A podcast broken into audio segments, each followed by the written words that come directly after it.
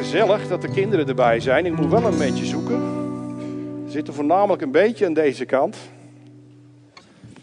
En als het goed is, en ik weet zeker dat het goed is, hebben jullie de afgelopen weken met dit boekje gewerkt. Klopt wel, hè? Jezus de Messias. Dat is een stripboekje, dat is gemaakt door Willem de Vink. Nou, die kennen we denk ik allemaal wel. Die spreekt ook hier regelmatig. Heeft hij een tijd geleden gemaakt. Maar het boekje heeft toch wel een hele bijzondere werking. Het is een stripverhaal over het leven van Jezus. En inmiddels is het in 220 talen vertaald.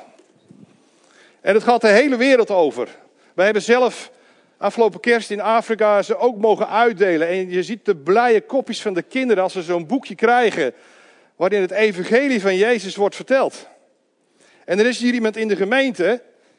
Die heeft ook, ik weet niet hoeveel van deze boekjes gekocht.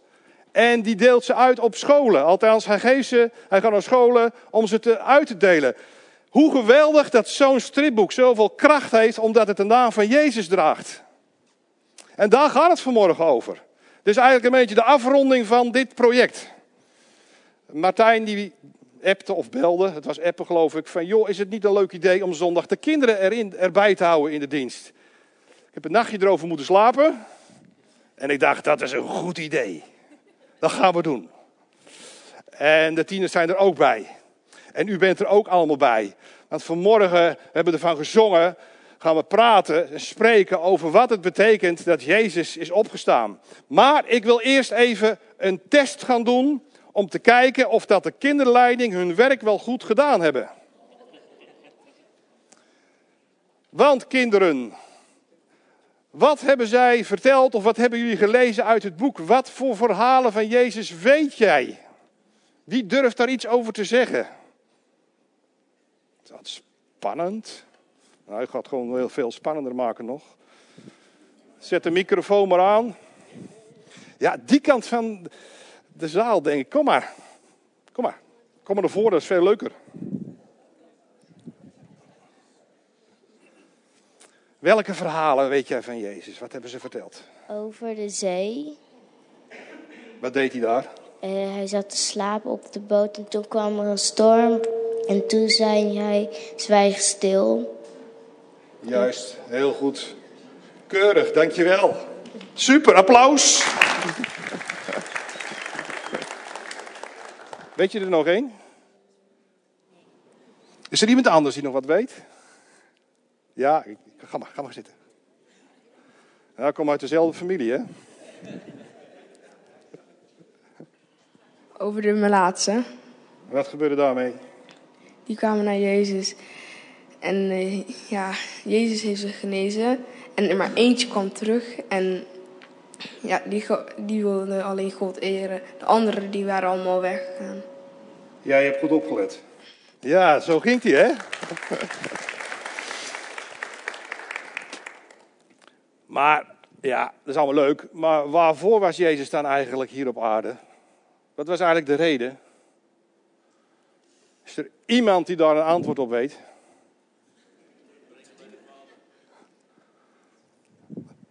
Ben jij, ben jij ook een kind? Ja, jij bent ook een kind, hè? kind van God, hè? Ja, terugbrengen bij de vader. Want wat was er misgegaan? Er was iets verschrikkelijks misgegaan. Dat weten we natuurlijk allemaal wel, want zelfs de ouderen durven het niet te zeggen hoor. En dat was dat de mens ging niet meer naar God luisteren, maar naar Satan, zodat de duivel macht kreeg over de mensen en over de aarde. En mensen gingen lelijke dingen doen. En mensen doen steeds lelijke dingen. Ik zat van de week heerlijk ontspannen even voor de televisie voetballen te kijken. En ik vond het zo'n leuke wedstrijd, want hij ging best wel aardig, vond ik voor mezelf. Voor mijn clubje. En toen waren er van die lelijke Feyenoord supporters. Die gingen gooien en die gooiden zo'n aardige Ajaxiet op zijn hoofd. Dat doen wij niet, hè? Zulke lelijke dingen doen wij niet. Bij de familie Stieglers is alles vrede en blijdschap, denk ik, toch?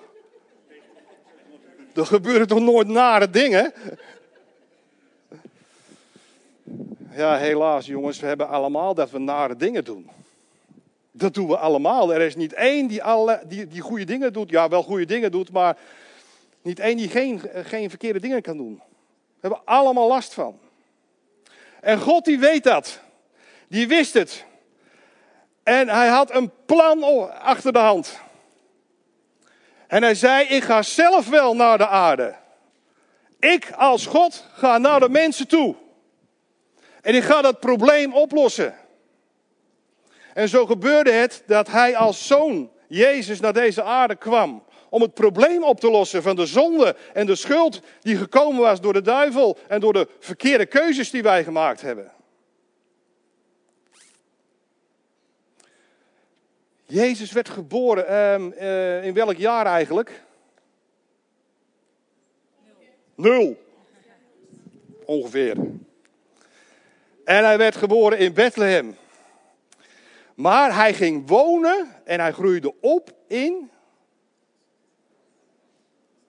De kinderleiding, jongens, jullie moeten nog meer input geven, denk ik. Waar ging Jezus wonen? Nazareth. Dat wist hij ook, hè? Nazareth, hij woonde in Nazareth. Daar groeide hij op.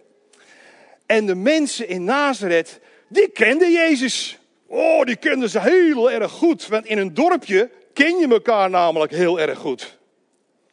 En Jezus, dat is de zoon van Jozef en Maria. En zijn broers en zussen. Ze kennen ze allemaal.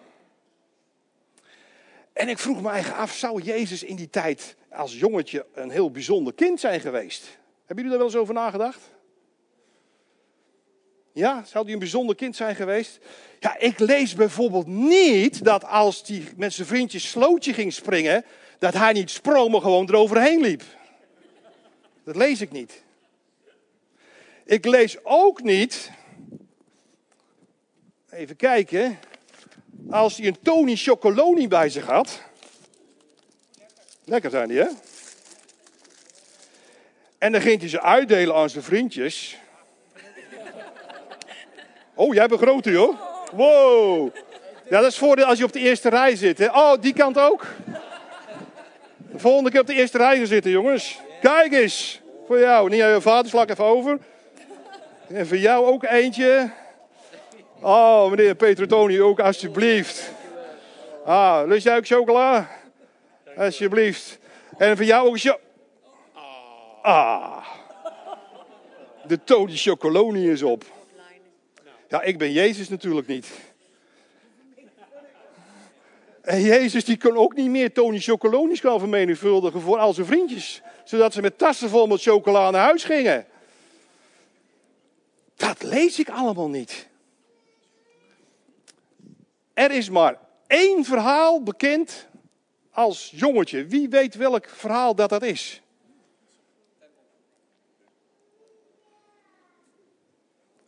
Eén verhaal van Jezus toen hij nog een jongetje was. Klein jongetje. Niet zo groot.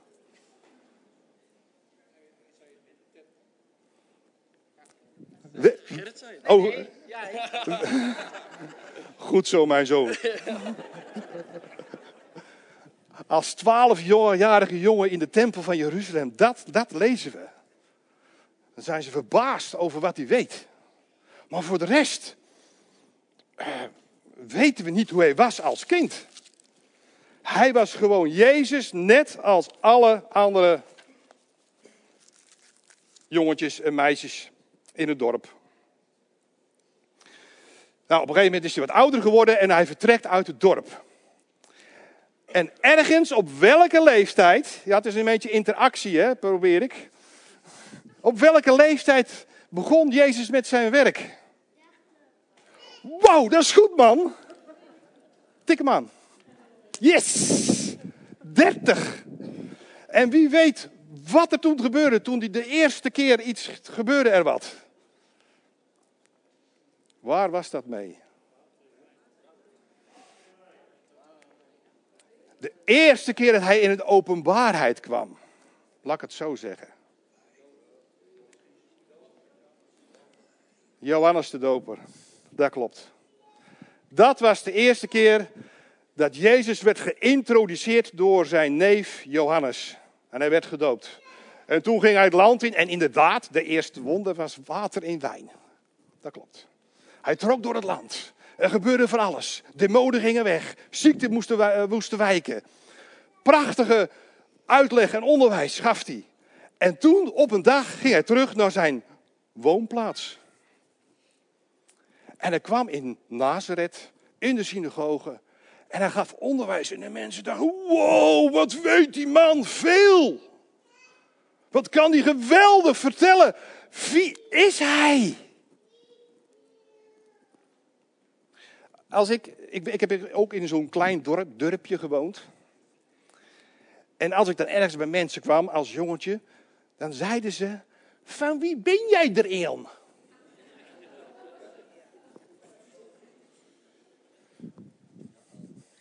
Je bent de klos, jongen. Oh,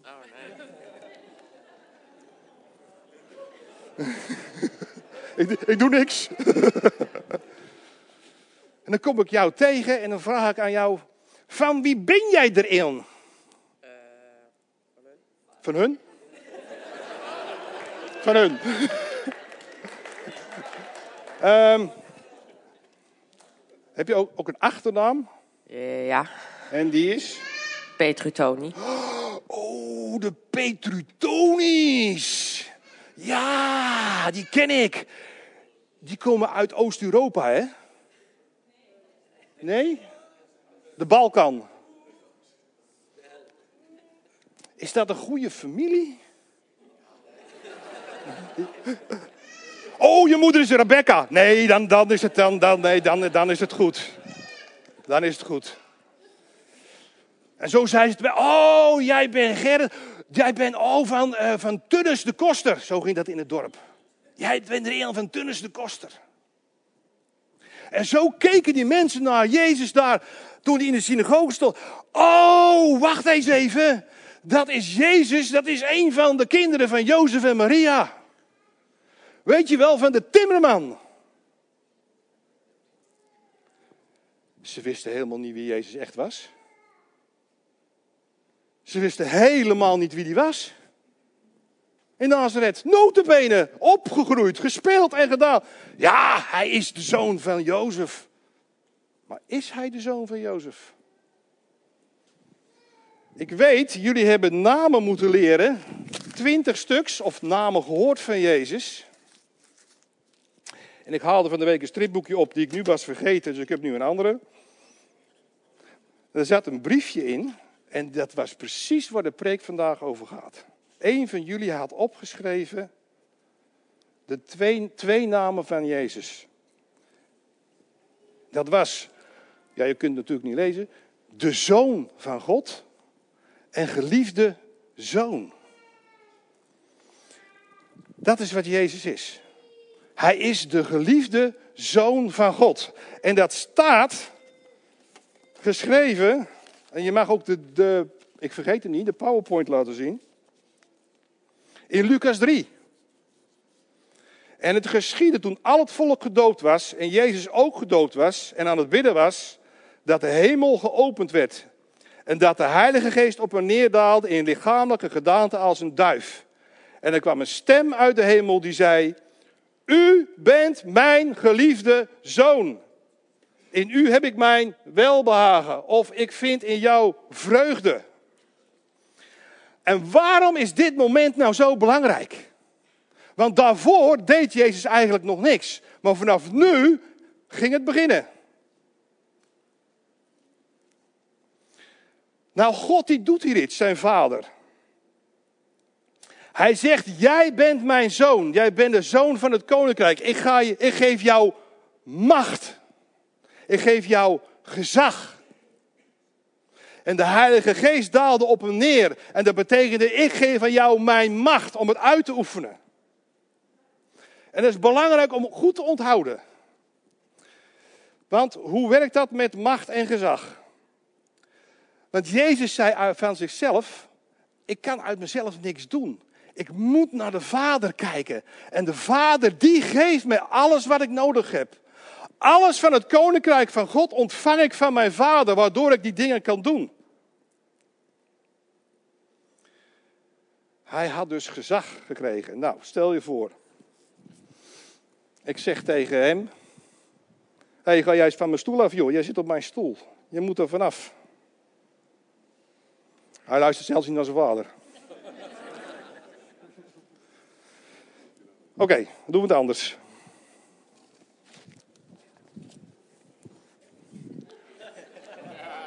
Zo, jongeman, wat doe jij daar op die stoel? Ga jij eens even naar een andere stoel. tegenwoordig met de jeugd, hè? geen ontzag voor de politie. Wist je dat de politie heeft gezag gekregen? Als ik nog zo loop in Burger, kan ik niks doen. Zet ik mijn pet op als politie, worden mensen plotseling bang, want het gezag van eh, de regering van Nederland staat erachter. Meneer Rutte en zijn hele kabinet en alles wat erbij hoort staat erachter. En dat geeft gezag, denk ik. Voorbeeld is misschien niet zo sterk. Maar zo hoort het wel te zijn. En Jezus kreeg het gezag van het koninkrijk van God. En die oefent hij uit. En de duivel die denkt, ik, wil, ik ga er tegen opstand komen. Maar Jezus had ook macht gekregen. En de politie heeft ook macht gekregen. Want als jij er niet uit wil uit je stoel, eruit vriend, wegwezen. Ja, nou doet hij het in zijn broek. Want hij heeft, de politie heeft macht gekregen. Zo is het met Jezus. Hij heeft gezag gekregen van zijn vader. En macht door de Heilige Geest. Waardoor hij al die werken kon gaan doen. Onthouden.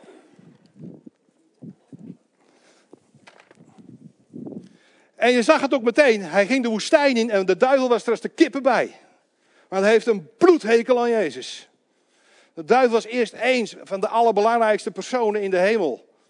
Dat, is, dat heeft misgegaan, dat is zijn eigen schuld. Maar hij heeft er een hekel aan. Hij wil die macht weer terug. Hij wil groter worden. En hij ging Jezus verleiden. Althans, dat dacht hij. Kennen jullie dat verhaal in de woestijn? dat hij hongerig werd. Dat hij van de tempel af moest springen. En uiteindelijk moest hij knielen voor de duivel. Dan zou hij alles krijgen. Maar Jezus stuurde hem weg. Want hij had gezag en macht over de duivel. En zo ging hij drie jaar rond. En overal waar hij kwam, moest ziekte wijken.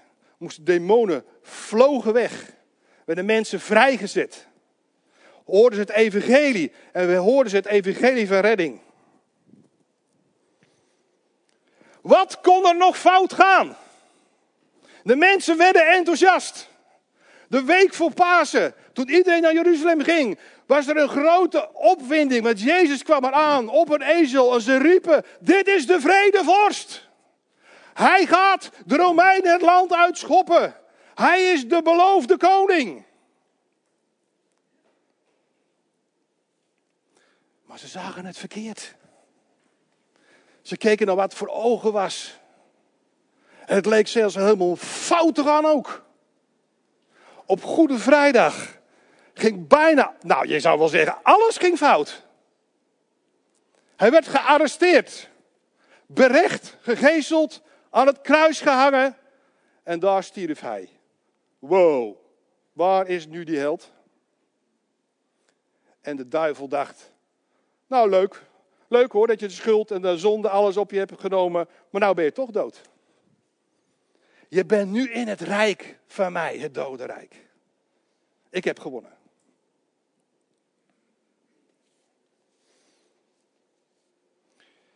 We vieren Goede Vrijdag.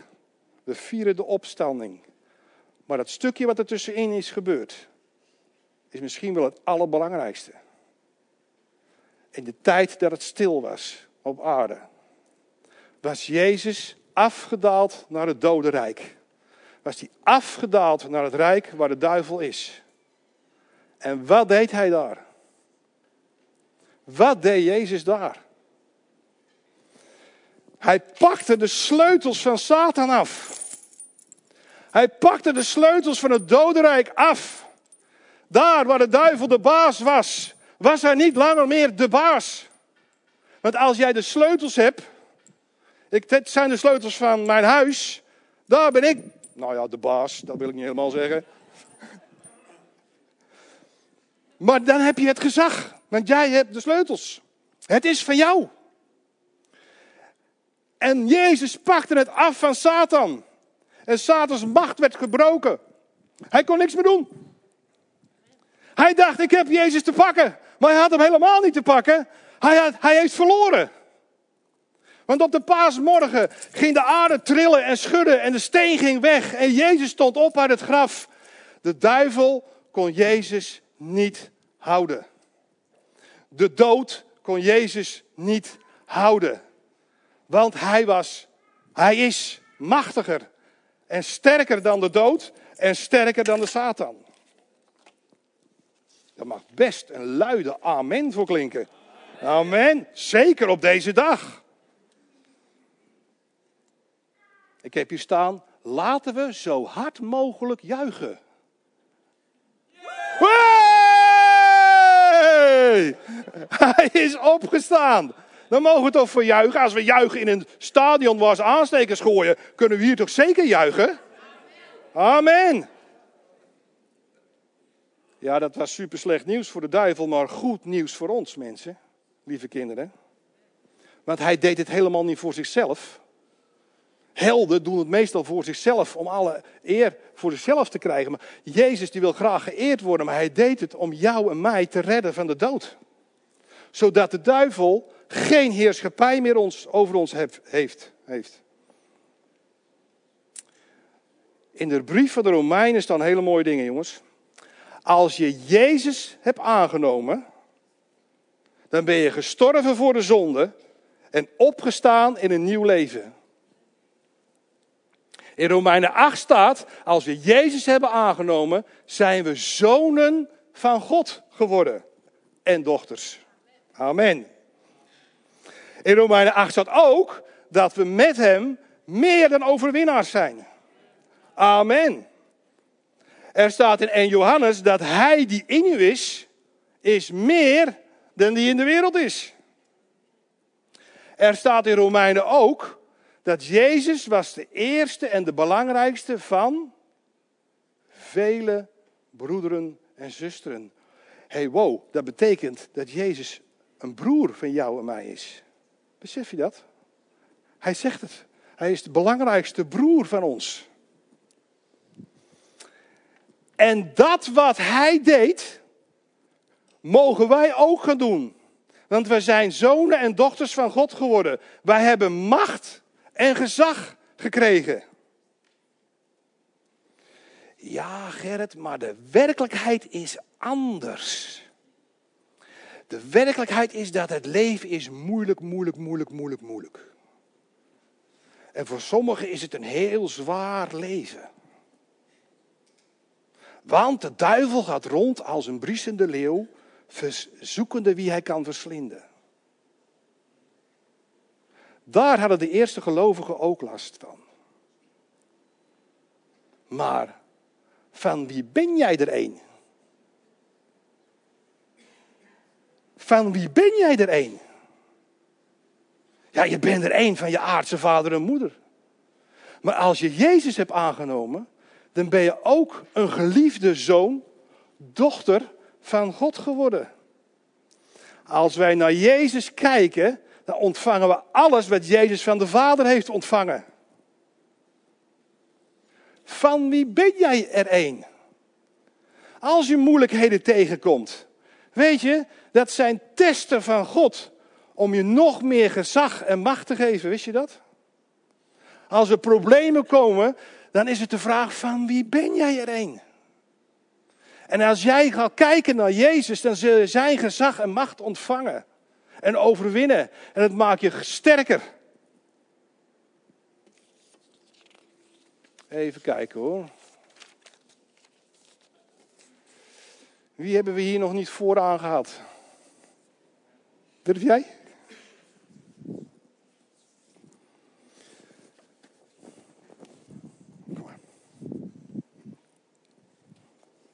Ik zie dat jij in Jezus gelooft, toch? Alsjeblieft, mag jij deze pet op? Jij hebt het gezag gekregen, omdat, je, omdat Jezus in jou woont. Maar dat niet alleen, de Heilige Geest ook. Zo. Het is een soort moderne versie van de wapenrusting van God. En als jij in het leven dingen tegenkomt die moeilijk zijn, denk dan maar aan deze pet en aan deze lasergun. Mensen, het is geen echte. Een lasergun. Maar heb jij macht gekregen van de Heilige Geest om die, om die moeilijkheden te overwinnen.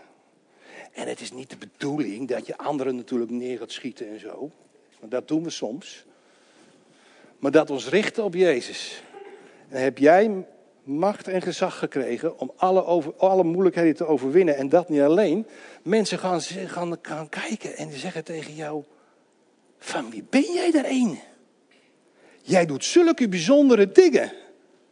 Jij hebt zoveel wijsheid gekregen. Jij brengt zoveel liefde aan mensen. Van wie ben jij er een? Jij bent van de vader en moeder, maar bovenal een geliefde dochter van God de Vader. En Jezus leeft in jou. Lieve mensen, daar gaat het om.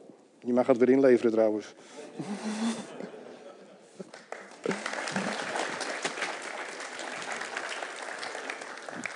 Dit is de boodschap, mensen.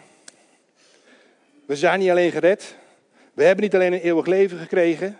We zijn overgezet in het koninkrijk van God. Daar, daar, daar heersen hele andere wetten en regels. Die gaan ver boven alle aardse regels en wetten. Die gaan, stijgen ze ver te boven. En van hem heb je het gezag en macht gekregen. Doordat hij is opgestaan.